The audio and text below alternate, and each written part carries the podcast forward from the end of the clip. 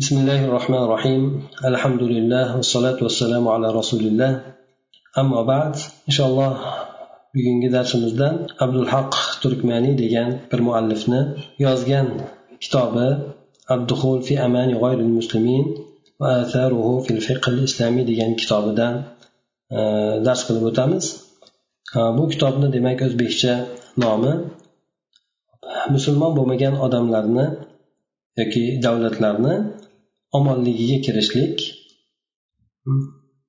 Hamda o'shani islomiy fiqdagi bo'lgan asoratlari ya'ni e, islomiy fiqdagi bo'lgan masalalari degan mazmunda. Bu kitobni bir ikki olim kishi bu kitobga muqaddima bergan ekan. Ana o'shalardan birinchisi abdulloh ibn abdul muhsin turkiy. Bu kishi makka mukarramadagi robitatul olam islomiyni umumiy aminidir ya'ni rais ishonchli bo'lgan odami deb keltiriladi hamda bu kishi e, hayatul kibor ulamoni a'zosi bo'lgan bir vaqtlarda e, haj vaziri ham e, bo'lgan bo'lib o'tgan bu kishi aytadilarki alloh taologa hamd bo'lsin bu zot butun olamlarni parvardigori وصلى الله وسلم على نبينا محمد وعلى آله وصحبه أجمعين يعني الله تعالى hamda aytib payg'ambar sallallohu alayhi salovat aytib aytadiki ammo bad mana bu فإن هذا الكتاب الموسوم بعنوان الدخول في أمان غير المسلمين وآثاره في الفقه الإسلامي من الكتب التي توضح فقه التعامل بين المسلمين وبين غيرهم في ظل التغيرات المعاصرة. البتة من أبو مسلمان لردن بوشكا يعني غير المسلمين لردن أمان kishi kirishlik va uni islomiy fiqdagi bo'lgan e, taassurotlari yoki asoratlari nomlik e, kitob. Bu musulmonlarni o'zlaridan boshqalar bilan bo'lgan muomalalarini e, fiqhini ochiqlab beradi bu xosatan mana bu hozirgi ham asr o'zgarishlar soyasida deydi. Ya'ni mana shu asrimizdagi bo'lgan hop musulmonlarni boshqa boshqalar bilan bo'lgan e, fiqh muomalasi ya'ni muomalat muomalat e, fiqhini ochiqlab beradi وقد تزايدت الحاجة إلى هذا الفقه بعد أن كثر انتقال المسلمين إلى دول غير إسلامية وإقامتهم فيها وما يتبع ذلك من مساكنة غير المسلمين ومخالطتهم ومشاركتهم في مجالات العيش مما يحتاج إلى فقه mana bu fiqga mana bu tushunchaga hojat juda ham ortib ketdi. Musulmonlarni islomiy bo'lmagan davlatlarga ko'p ko'chib o'tishliklari va unda musulmonlarni yashab qolishliklari va ana o'shandan kelib chiqadigan musulmonlardan g'oyrimuslimlar bilan birga yashashlik ular bilan birga aralashib yurishlik ular bilan hayotni turli sohalarda ishtirok etishlik mana shu narsalar ko'payib ketganligidan hojat ortib ketdi deydi bu narsa esa albatta fiqhga hamda ongli bo'lishlikka insonni muhtoj etadi والواقع أن فئة من المسلمين المقيمين في بلدان غير مسلمة يغلب عليهم الجهل بأحكام الشريعة وقلة الاكتراث بمراعاتها في معاملة بعضهم بعضا وفي معاملة غيرهم ممن يقيمون بين أظهرهم hozirdagi voqelik holati shundan iboratki musulmon bo'lmagan o'lkalarda yashayotgan musulmonlardan bir jamoasi bularda shariat hukmlarini bilmaslik g'olib bo'lib qolgandir ya'ni bularni bularga bularni aksariyati shariat hukmlaridan bexabardir. Va bir birlari bilan bo'lgan muomalalarida ham o'sha yerda ularni huzurida yashayotgan ulardan boshqa odamlarni bilan bo'lgan muomalalarda ham rioya qilishligi lozim e, rioya qilishligi ya'ni o'sha shariatga rioyani e, kamdan kam qilayotganligi mana shu narsa e, hozirgi bo'lgan holat voqelikdir deydi ya'ni musulmonlar islomiy bo'lmagan o'lkalarda yashayotgan musulmonlar hammasi emas bir ma'lum bir toifasi balki aytarmiz aksar qismi deb aytsak ham bo'ladi shariat hukmlarini bilmaydi. U yerdagi ular bilan qanday muomala qilishlik kerak? Ha bular bilan islom qanday muomala qilishlikka buyuradi? Nima narsalarga rioya qilishligimiz kerak? Mana shunday bo'lgan masalalardan bexabardir. تراثنا الفقه المتصل بتنظيم العلاقة بين المسلمين وبين غيرهم مفصل مستفيض في الحالة العكسية لما عليه الوضع الآن bizni fiqhiy bo'lgan merosimiz ya'ni musulmonlarni ulardan boshqalar bilan bo'lgan aloqalarini tartibga solishlik bilan bog'liq bo'lgan fiqhiy merosimiz juda ham mufassal hamda juda ham to'lib toshgandir. Lekin bu narsa aksiy holatdadir. Ya'ni hozirgi bo'lib turgan holatimizga teskari bo'lgan holatda. Nimaga teskari bo'lgan holatda deyotganimiz sababi avvallari musulmonlarni orasiga orasida yashaydigan musulmon bo'lmagan odamlarni holati haqidadir. Ya'ni musulmon bo'lmagan odamlar kelib musulmonlarni o'lkalarida yashagan. Ana o'shanda bularga nisbatan musulmonlar qanday muomala qilish kerak? Ular qanday muomala qilish kerak? Qaysi narsaga rioya qilish kerak? Mana shu narsalarni to'g'risidagi masalalarni yoki bo'lmasa hukmlarni bayon qilgan kitoblar juda ham ko'pdir. Endigi holat esa musulmonlar ular tomonlariga borib yashayapti.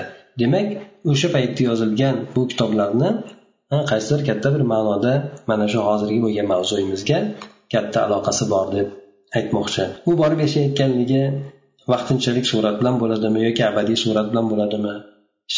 Yakka shaxs tartibida bo'ladimi yoki jamoaviy suratda qarindosh urug'lar bilan borib yashayotganligi bo'ladimi? Albatta bu narsa mana bunday yashashlik uchun yashashlikni aslan joiz ekanligiga binoandir. Hmm, demak o'sha yerga borib yashashligi aslida joiz ekanligiga binoan bularni vaqtinchalik suratdami abadiy suratdami kelib turganligini bayon qiladigan bayon qilib beradigan demak bizni meroslarimiz kitoblarimiz bordir deydi وذلك يقتضي جملة من التفاصيل الإجرائية يتضح من خلالها شروط هذه الإقامة وحقوقها وواجباتها في العبادات والمعاملات والآداب والأخلاق mana bu narsa albatta o'z öz o'zidan ijroiy bo'lgan tafsilotlardan bir jumlasini taqozo etadi. Ya'ni inson ijro qilishligi kerak bo'lgan ba'zi masalalarni taqozo etadiki buni asnosida esa mana bu yashab turishlikni o'sha joylarga borib yashashlik shartlari bor ani huquqlari bor vazifalari bor bu narsa ibodatlar ibodatlar borasida bo'lsin muomalalar borasida odob axloq borasida bo'lsin mana shu narsalar ochiqlanib boradi deydi. Demak o'sha yerda yashashligi asnosida shunday bir tafsilotlar keladiki bu bilan yashayotganda nima narsalar shart qilinadi nima narsalarga rioya qilish kerak nima narsalarni bajarish kerak mana shu narsalar bu ibodatida bo'lsin muomalasida axloq odoblarida bo'lsin hammasi aniq ravshan ma'lum bo'ladi وظهر هذا النوع من الفقه في المصنفات القديمة بصورة عامة تحت عنوان السير أي سير الخلفاء والأمراء والقضاة ومسالكهم السياسية والحكمية في معاملة غير المسلمين وما يلزمهم في ذلك من العدل فيهم والرفق بهم وكف عذاهم عن المسلمين والعكس إظهارا لعدل الإسلام وسماحته. وفقتي من أبو تور fiqdan bo'lgan mana bu tur qadimiy musannafatlarda kitoblarda umumiy suratda shunday nom ostida bo'lgandir xalifalarni tarixlari amirlarni qozilarni tarixlari hamda ularni siyosiy bo'lgan yurish turishlari xatti harakatlari yo'nalishlari hamda musulmonlar g'oyrimuslimlar bilan bo'lgan muomalalardagi ularni e, hukmga asoslangan siyosatga aloqa asoslangan yo'nalishlari hamda o'sha borada ularga lozim bo'ladigan ularga adolat qilishlik ularga mehribon bo'lishlik ularni ozorini musulmonlardan tiyishlik musulmonlarni ham ularga ozor berishlikdan tiyishlik mana shu narsalarda mana shu masalalarda bo'lgan deydi mana shu unvon ostlarida bo'lgan bu narsa albatta islomni adolatini hamda samimiyligini ro'yobga chiqarishlik uchun bo'lgan وبمقتضى فقه الأقليات غير المسلمة في دولة الإسلام عاشت أمم من من ملل شتى في كنف المسلمين آمنة مطمئنة مصونة الحقوق سواء في مراحل قوة دول الإسلام أو ضعفها فلم يكرهوا على ترك دينهم والتحول إلى الإسلام ولا حيف عليهم في شيء من مما يتعلق بنسائهم وأولادهم وأموالهم ومعابدهم ومعاملاتهم ما استقاموا على ما عاهدوا عليه من عليه المسلمين ولم يظهر منهم خيانة أو مظاهرة لعدو المسلمين عليهم mana shu musulmon bo'lmagan ozchilikni fiqhini taqozosi bilan ya'ni islomiy davlatda yashagan musulmon bo'lmagan ozchilikni fiqhi masalalari taqozosi bilan turli millatlar turli ummatlar musulmonlarni bag'irlarida qo'yinlarida yashaganlar. Xotirjam bo'lgan holatda tinch osuda bo'lgan holatda huquqlari himoya qilingan holatlarda yashaganlar. Bu farqi yo'qdir. Islom davlatini quvvatli bo'lgan bosqichlardami yoki zaiflik bo'lgan bosqichlari davridami? Bular albatta o'zlarini dinlarini tark qilishlikka majburlanmagan o'zlarini dinlarini tark qilib islomga ko'chib o'tishlikka majburlanishmagan. Ularni ustilarida bironta bir narsada zulm ham qilinmagan. Bu narsa esa ularni ayollariga aloqador bo'ladimi farzandlariga mollariga ibodatxonlariga ularni muomillariga aloqador bo'ladimi? Bironta bularga zulm qilinmagan. Modomiki ular o'zlari musulmonlarga qilgan ahdlarida barqaror turgan bo'lsalar. Ulardan bironta bir xiyonat yoki musulmonlarni dushmaniga musulmonlarga qarshi yordam berishlik zohir bo'lib ko'rinmagan bo'lsa. Ana o'shanday bo'lgan holatlarda albatta musulmonlar ularga nisbatan adolat bilan turishgan ularni biron bir narsasida ularga zulm qilinmagan. Agar mabodo qilingan taqdirida ham unga zulm deb e'tibor qilingan ham bu o'ziga yarasha olimlar tomonidan inkor qilingan kerak bo'ladigan bo'lsa o'shani qilgan odamlarga jazo ham berilgan. وقد أطلق المسلمون على من يعيشون بين ظهورهم من أهل الملل الأخرى اسم أهل الذمة لتأكيد حقهم على المسلمين وأنهم في ذمتهم ومسؤوليتهم على خلاف ما تدل عليه التسمية التي سموا بها في معاجم ومعسس موسوعات أجنبية حيث سمي النظام الذي يخضعون إليه نظام الاستسلام أو نظام الخضوع musulmonlar o'zlarini oralarida yashaydigan boshqa millatlarga ahli zimma nomini berganlar bular endi musulmonlarni zimmasidagi bo'lgan haqlarini ta'kidlashlik uchun yana bular musulmonlarni zimmasida mas'uliyatida ekanligini bildirib qo'yishlik uchun bu esa bular o'zlarini qomuslarida yana mavsuat ya'ni ensiklopediyalarida nomlab o'tishgan atamalarga dalolat qiladigan narsani xilofida bo'lgan. Bular esa o'zlaridagi turgan nizomini esa bo'ysunishlik nizomi yoki bo'lmasa xor bo'lishlik shunga o'xshagan qul bo'lishlik yoki xor bo'lishlik nizomi kabi nomlab o'tishgan. Lekin bunda bular bunaqa huzu qilib bir juda bir eziladigan darajada bo'lmagan yoki bo'lmasa bular qul qilib ishlatiladigan qul qilinadigan darajada bo'lishmagan albatta islom bularni ahli zimma deb nomlanganligini yuqorida aytib o'tilganidek bularni musulmonlarni zimmasida mas'uliyatda bo'lgan bularni haqlarini albatta musulmonlar rioya qilishligi kerak bo'lgan والسماحة التي عمل بها الإسلام الذميين والمستعملين ومكنت أعدادا منهم أن ينبغوا في فنون شتى كالطب والصيدلة والفلك والجغرافيا والحساب والهندسة والأدب والترجمة وأسهموا في التقدم العلمي والتقني الذي وصلت إليه الحضارة الإسلامية في أهدها الزاهر إسلام bu millatlar bilan bu xalqlar bilan qilgan muomalasidagi samimiylik bu zimiylar bo'lsin yoki islom diyoriga omonlik bilan kirganlar bo'lsin ana o'shalar bilan qilgan muomalasidagi samimiylik ulardan ko'pchiligini turli bo'lgan fanlarda yetuk bo'lib chiqishligiga imkoniyat yaratib bergan. Bu tibbiyot sohasi bo'lsin yoki bo'lmasa farmatsevtika sohasi bo'lsin falakiyot geografiya sohasi matematika handasa ya'ni injenerlik sohasi bo'lsin adabiyot tarjima sohasi bo'lsin mana shu narsa mana shu fanlarda yetuk bo'lib yetishligiga imkon yaratib bergan. Bular esa islomiy E, madaniyat o'zini juda gullab e, gurkiragan davrida yetishgan ilmiy hamda e, texnikaviy taraqqiyotiga bular ham o'zlarini ulushlarini qo'shishgandir. Bugungi kunda esa voqea tamoman teskariga aylanib qoldi. Bu musulmon bo'lmagan diyorlarda musulmonlardan bir jamoasini yashashligi abadiy suratda o'sha joylarni vatan tutishligi yoki bo'lmasa ta'lim maqsadida tijoriy diplomatiya yo bundan boshqa maqsadlarda vaqtinchalik bir muddatga yashab turishlik. Mana shu maqsadlarda ish teskari bo'lib qoldi deydi. Avvallari ular kelib yashagan bo'lsa endi musulmonlar u joylarga borib yashaydiganlar bo'lib qoldi. Hop hojat esa ularni yangi bo'lgan sharoitlarida yangi bo'lgan sharoitlarda yaxshiroq tushunishligi faqih bo'lishligi yaxshiroq din masalalarini tushunishligini taqozo etadi. Hattoki bular o'zlarini e, shaxsiyatlarini borliqlarini o'chib ketishlikdan saqlab qolishligi o'zlarini dinini esa zoyi bo'lib ketib qolishlikdan saqlab qolishliklari maqsad saqlab qolishliklari uchun.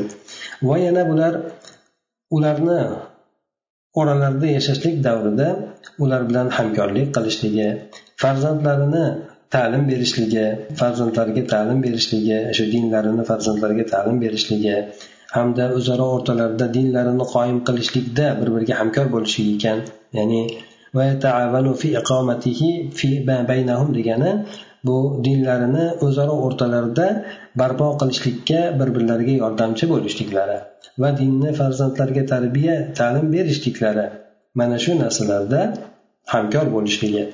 Va yana o'zlaridan boshqalar bilan muomalalarini shariat yo'llab qo'yadigan ahkomlar odoblar asnosida chiroyli muomala qilishliklari mana shu narsalarni taqozo etadi فإنهم يقدمون من أخلاقهم ومعاملاتهم صورة عن الإسلام وثقافته وحضارته chunki ular o'zlarini axloqlari muomalalari sababli muomalalari bilan e, islomni va uni bilimi madaniyati suratini taqdim etadilar mana bu narsa esa ko'plab musulmon bo'lmagan e, buni sababi shuki ko'plab musulmon bo'lmagan jamoalar islomni tanishlikda yoki bo'lmasa e, islom tanishlikka o'zlarini qiynashmaydi yoki bo'lmasa o'shanga qodir ham bo'lishmaydi. Ya'ni islomni o'rganishlikka o'zlarini juda urintirishmaydi yoki bo'lmasa ehtimol o'sha narsaga o'zlarini imkoniyati ham bo'lmaydi.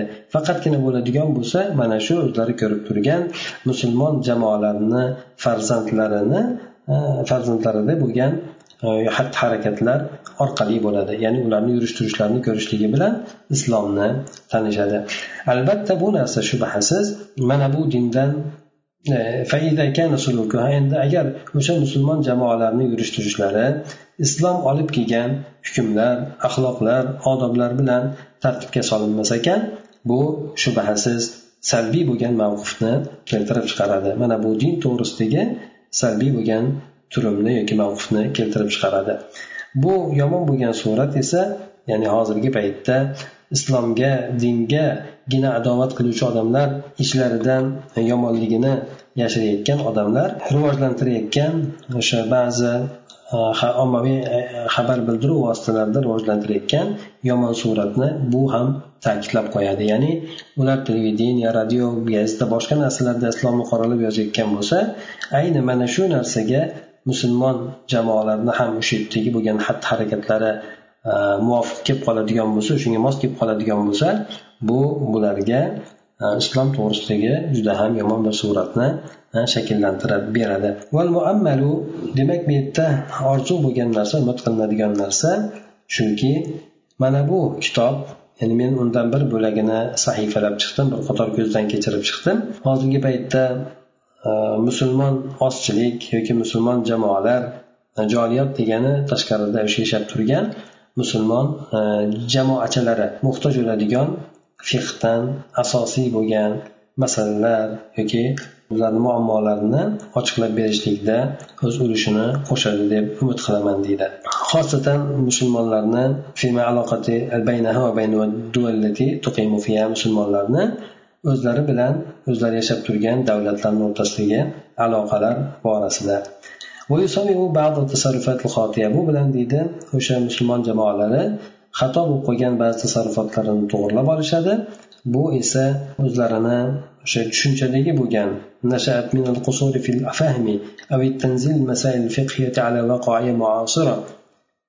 bu narsa tushunchadagi bo'lgan nuqsonligidan kelib chiqqan yoki bo'lmasa fiqhiy masalalarni ham asr bo'lgan voqeliklarga tushirishlikdagi bo'lgan kamchiligidan kelib chiqqan ba'zi tasarrufot ya'ni xato tasarrufotlarini to'g'irlab beradi وقد جاء قيما في معاملاته معلوماته وتحديده اللغوي والفقهي والموضوعي مما يدل على مقدرات المؤلف واهتمامه بالدعوة وقضاياها بين الجالية المسلمة في أوروبا.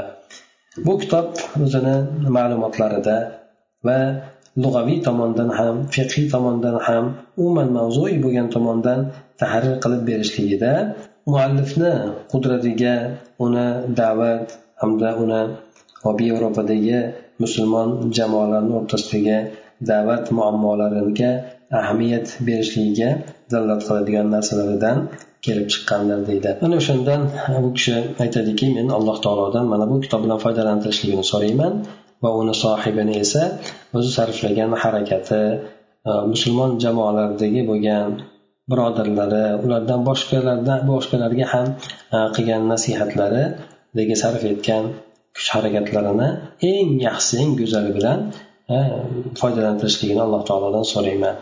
Va barcha o'qigan hamda yozgan kimsalarni alloh o'zi yaxshi ko'radigan rozi bo'ladigan yo'lga tavfiq ya'ni muvaffaq qilib qo'yishligini ham alloh taolodan so'rayman deydi.